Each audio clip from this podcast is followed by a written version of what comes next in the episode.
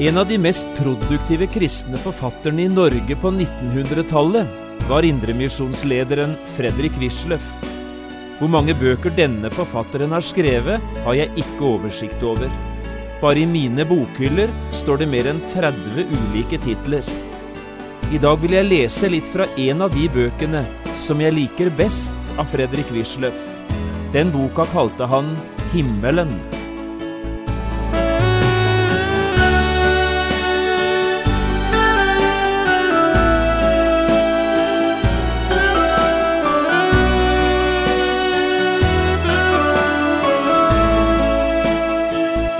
Hjertelig velkommen til et nytt program i serien Vindu mot livet.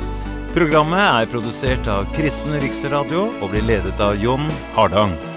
Kristen Riksradio drives av frivillige gaver. Vi er glade for din støtte.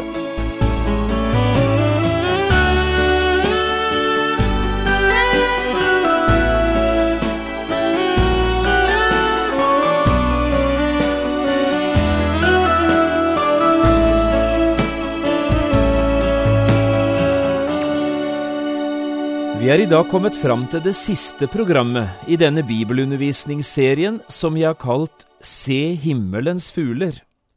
I 18 program har vi nå fått møte ulike fugler i Bibelen, og hørt en del om hva disse fuglene kan lære oss, både om Gud selv, hva det innebærer å være menneske, og ikke minst hva det virkelig betyr å tro på Gud. Du kan få kjøpt hele denne programserien på CD ved å henvende deg til P7 Kristen Riksradio.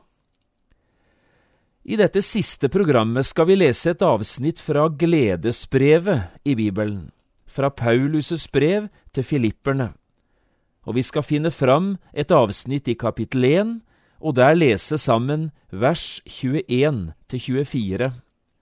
Jeg har kalt dagens program Larven og sommerfuglen. Paulus skriver, for meg er livet Kristus og døden en vinning. Men dersom det at jeg lever i kjødet gir meg frukt av mitt arbeid, da vet jeg ikke hva jeg skulle velge. Jeg kjenner meg dradd til begge sider. Jeg har lyst til å bryte opp herfra og være med Kristus, for det er så mye, mye bedre. Men av hensyn til dere er det mer nødvendig at jeg blir i kjødet.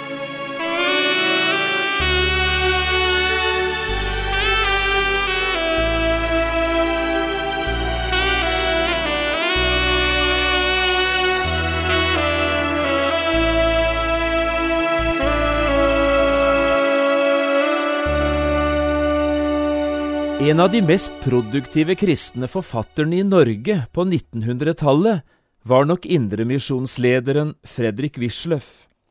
Hvor mange bøker denne dyktige forkynneren og forfatteren har skrevet, det har jeg ikke oversikt over. Bare i mine bokhyller står det godt og vel 30 ulike bøker skrevet av Fredrik Wisløff. Og spekteret av boktyper er også ganske bredt. Det spenner fra romaner til bibelfortolkninger, fra bønnebøker til reiseskildringer.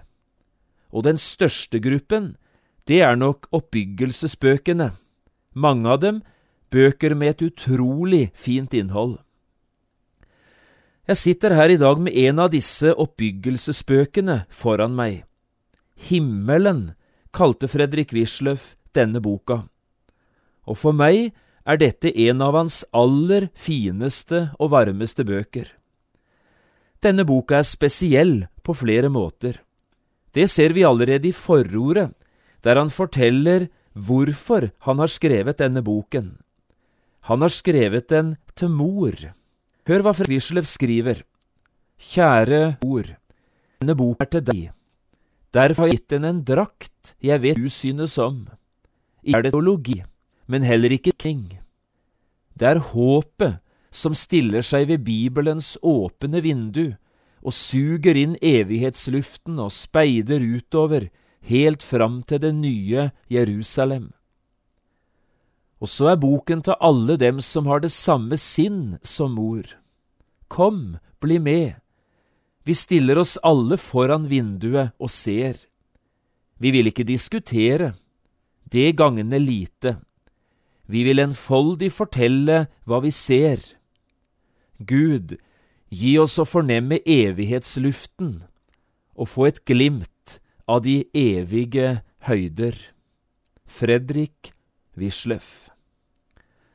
Slik skriver han altså i forordet sitt, og boken som han laget, den har tre deler. Først skriver han litt om døden, så fortsetter han med håpet, og endelig den største delen om himmelen. Når jeg har tatt fram denne boka i dag, så er grunnen til det et lite avsnitt fra det første kapitlet, om himmelen. Larven og sommerfuglen kaller Fredrik Wisløff dette kapitlet, og jeg synes det er like mesterlig som det er enkelt, det Fredrik Wisløff her skriver. Det kryper en larve henover et kålblad. Bladet er gammelt og tørt, og larven har tenkt å komme seg over på et annet som er friskere. Den løfter hodet og ser utover kålåkeren, men legger seg ned igjen og blir liggende og tenke. Mon den alltid skal krype omkring her på denne åkeren. Finnes det et annet liv enn dette? Kanskje endog en fullkommen tilværelse? Og den lille larven tenker videre. En fullkommen tilværelse. Hvordan kunne den være? Det må være en åker full av de fineste kålhoder, hvor ikke ett eneste blad er vissent og tørt, men hvor alt sammen er saftig og grønt. Og larven kryper videre på sitt grønne blad. Men en dag hender det at larven går i puppehylster. Den kunne vel selv tro at den lager sin egen kiste, for så å legge seg ned og dø. Der inne i hylsteret ligger den som en livløs masse. Men det er slett ikke døden som hersker der inne i puppen, det er livet og forvandlingen. Og en dag brister puppehylsteret, og ut flyr en sommerfugl. Fire skjønne vinger løfter den oppover jord og mark, og lekende lett flagrer den i solen og vinden en fullkommen tilværelse. Var det kålblad den ville ha? Grønne, saftige blad? Nei, den ser det ikke engang. Det er blomster den vil ha. Blomsterstøv er dens mat. Den krydrede duften lokker den. Og gjemt av farvede kronblad vugger den i blomsten og eter seg mett. Og så løfter vingene den opp i luften og solen og Vinden fører den utover nye, skjønne blomsterenger. Det himmelen Fredrik Wischf på denne måten vil fortelle om, ved hjelp av illustrasjonen om larven og sommerfuglen, og så vil han si noe om forholdet mellom våre fantasier og forestillinger, og hvordan himmelen virkelig og egentlig er. Men samtidig sier han på denne måten også noe om døden, om forholdet mellom livet på denne siden og livet på den andre siden, nettopp av døden. Puppehylsteret skriver han om, den livløse klumpen, og så den usynlige forvandlingen som skjer. Og alt dette har jo med døden å gjøre. Budskapet hans er klart og tydelig. Døden betyr ikke slutten på alt. Døden er som en overgang fra tilværelsen her i verden til en tilværelse i en ny og kommende tilværelse. Larven og sommerfuglen er begge geniale forkynnere, utrustet av Gud selv, til å løfte fram nettopp disse sannhetene, forholdet mellom livet og døden. Men hvorfor starter jeg et program med utgangspunkt i Filipperbrevet skrevet av Paulus, med å ta fram denne boka om himmelen og kapittelet om larven og sommerfuglen? Jo, det svaret er enkelt nok. Det er akkurat samme sak det er tale om, både i Filipperbrevet av Paulus og i boka Himmelen av Wisløff. Det taler om døden og om forholdet mellom livet og døden. Og La oss nå prøve å se litt nærmere på det Paulus skriver, ikke om larver og sommerfugler, men om livet og døden. Han begynner så frimodig og fint her i vers 21. For meg er livet Kristus og døden en vinning. Men i det samme verset ligger kanskje også det mest oppsiktsvekkende i hele dette Filipperbrevet. Jeg tenker på siste delen av verset, døden, en vinning. Det må jo være noe av det mest oppsiktsvekkende et oppegående menneske noen gang kan ha sagt om døden. Det lyder mer enn sensasjonelt. Døden, en vinning. Hva i all verden kan Paulus mene med slikt? Døden opplever jo de fleste av oss som et tap, ofte som et stort tap. Døden tar fra oss det kjæreste vi eier, en ektefelle, et barn, en far eller en kamerat, en god venn og en god nabo. Hva vinning kan det være med døden? Døden gjør jo bare livet fattigere, den skaper tomhet, savn, smerte. Ingen makt i tilværelsen har ødelagt helheten og harmonien mellom mennesker, som nettopp døden har gjort det. Gud alene vet hvor mange salte tårer som er grått ved en grav, nettopp på grunn av de uerstattelige tapene som døden påførte oss. Hvordan går det an å si at døden er en vinning? La oss prøve å få tak i det Paulus her sier. Det første vi må understreke, er dette. Døden er bare en vinning hvis livet er Kristus. Paulus sier altså ikke bare døden en vinning. Han sier for meg er livet Kristus og døden en vinning. Vi må altså ikke isolere den siste delen av verset fra den første delen. Det er bare når livet er Kristus at døden kan være en vinning. Hvis et menneske ikke er frelst, er døden alltid et grusomt tap. Da betyr døden slutten både på nådetid og frelsesmulighet. Derfor er den beste, ja, den eneste måten å dø trygt på, å møte den i livsforbindelse med Jesus. Det andre Paulus sier, er dette. Døden er en vinning, for den tar meg med enda nærmere Jesus. Vi har mange spørsmål, vi mennesker, knyttet til dette med døden. Og et av de vanligste spørsmålene, i alle fall for kristne mennesker, det er dette. Når en kristen dør, hvor går han hen da? Vi vet temmelig godt hvor et menneske som ikke kjenner Jesus, går hen. Det er ingen i tvil om som tar Bibelen på alvor, han går fortapt. Fortapelsen er en uutholdelig tanke, men den er like fullt en realitet.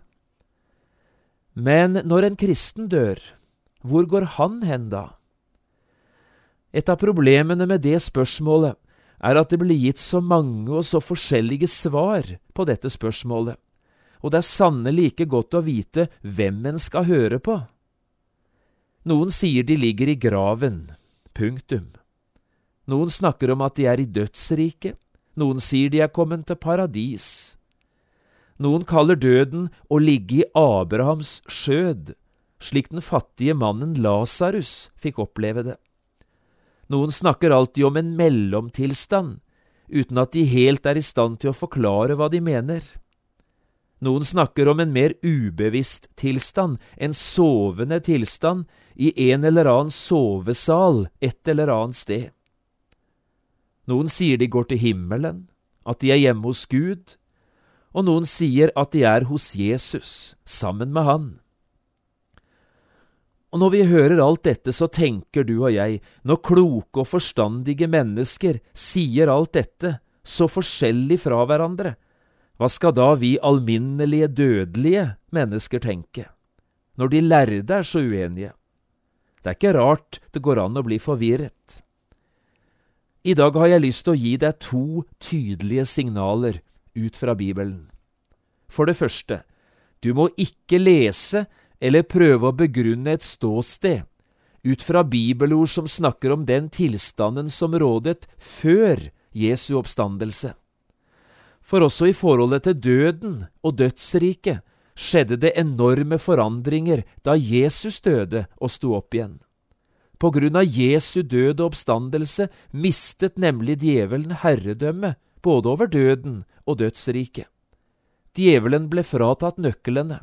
Han mistet nøkkelmakten. Sagt på en annen måte, du skal lese og lytte til de bibelordene som forteller om tilstanden etter Jesu død og oppstandelse. Det andre signalet er dette. Prøv å lytte til hva Paulus sier, for eksempel i det bibelavsnittet vi leste sammen i dag. Her står det skrevet svart på hvitt. La oss spørre Paulus. Hva er ditt forhold til døden, Paulus? Når du en dag skal dø, hvor går du hen da? Paulus har tydelige og klare svar å gi. Hør nå hva han sier i vers 23. Han sier tre ting. For det første, jeg har lyst til å bryte opp herfra. Det er det første, og vi forstår at det er død han snakker om. Uttrykket han bruker, som vi oversetter med å bryte opp herfra, det var et ganske vanlig uttrykk på Paulus' tid. Det ble for eksempel brukt om et skip som lå for anker inne på havnen. Når skipet så lettet ankeret og la ut fra land, ja, da ble det sagt at skipet brøt opp.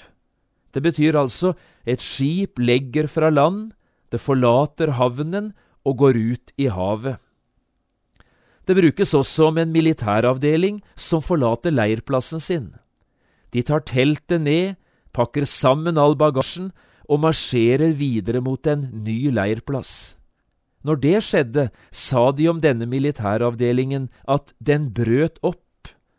Den forlater altså den gamle leirplassen for å slå leir et helt nytt sted. Døden er akkurat dette. Det er som å legge fra land og finne veien over havet, til havnen på den andre siden. Eller døden er som å forlate den gamle leirplassen og sette kursen mot et nytt mål. Men så kunne vi jo spørre Paulus, hva er navnet da på den havnen du skal til? Hva heter havnen på den andre siden av havet? Hvor ligger den nye leirplassen der du skal slå leir etter at du har brutt opp herfra? Paulus, når du dør, hvor går du da? Og da er vi ved det andre. Jeg har lyst til å bryte opp herfra og være med Kristus. Her er svaret å være med Kristus. Hvor går en kristen når han dør? Han går hjem til Jesus. Alle som døde i troen på Jesus, de er i dag der Jesus er. De er der allerede nå. I et av de andre brevene sine snakker Paulus om akkurat samme sak, og det svaret han der gir, det er det samme som her i Filipperbrevet. Jeg tenker på andre Korinterbrev 5, vers 6–8. Hør på dette. Derfor er vi alltid frimodige, selv om vi vet at så lenge vi er hjemme i legemet, er vi borte fra Herren, for vi vandrer i tro og ikke i beskuelse. Vi er altså frimodige og vil heller være borte fra legemet og hjemme hos Herren.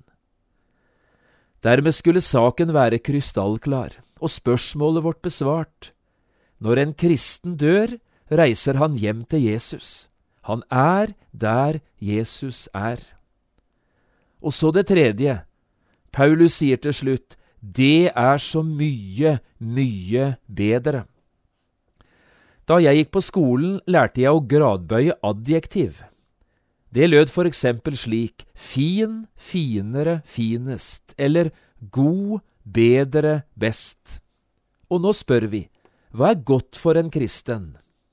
Svaret er dette, det er godt å leve med Gud, allerede her i verden. Men hva er bedre? Jo, det svarer Paulus på. Det er bedre å bryte opp herfra og være med Kristus. Ja, Paulus sier det er mye, mye bedre. De som altså døde i troen på Jesus, de har det mye bedre der de nå er, enn de hadde det da de var her i verden. Og så det tredje, hva er best? Svaret er dette, jo det må være det som skjer når Jesus kommer igjen, den dagen vi får en ny kropp og skal bli Jesus lik i det vi ser Han som Han er. Men dermed har vi også svart på et spørsmål som kanskje er like vanskelig for mange som følger tankene våre så langt.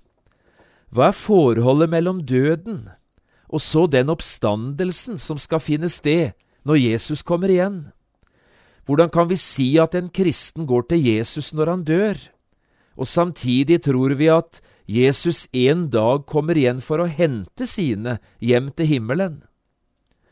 Svaret tror jeg er følgende. Når en kristen dør, går han hjem til Jesus. Men dette er en legemsløs tilstanden. Personligheten vår sitter jo ikke i kroppen. Om kroppen skulle bli skadet i en ulykke eller brytes ned på grunn av sykdom eller alderdom, ja, så betyr jo ikke det at personligheten forandrer seg. Det er vår ånd, vår personlighet, vårt egentlige jeg, som går til Gud den dagen vi dør. Og så får vi være der i Guds umiddelbare nærhet, i opplevelsen av glede og salighet, men altså ute av legemet.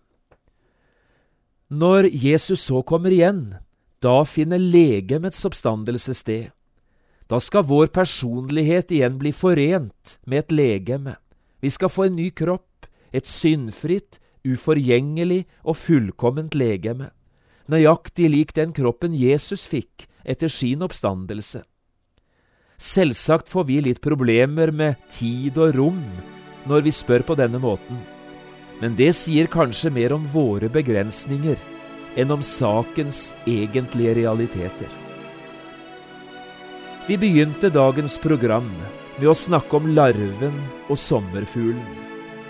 Og kanskje ligner vi nok mest på larven, og mer på larven enn vi er glad for. La oss da ikke glemme. Det er nettopp larven, med alle sine begrensninger, som en dag skal få oppleve den nye tilværelsen, nemlig som en nyskapt og vakker sommerfugl.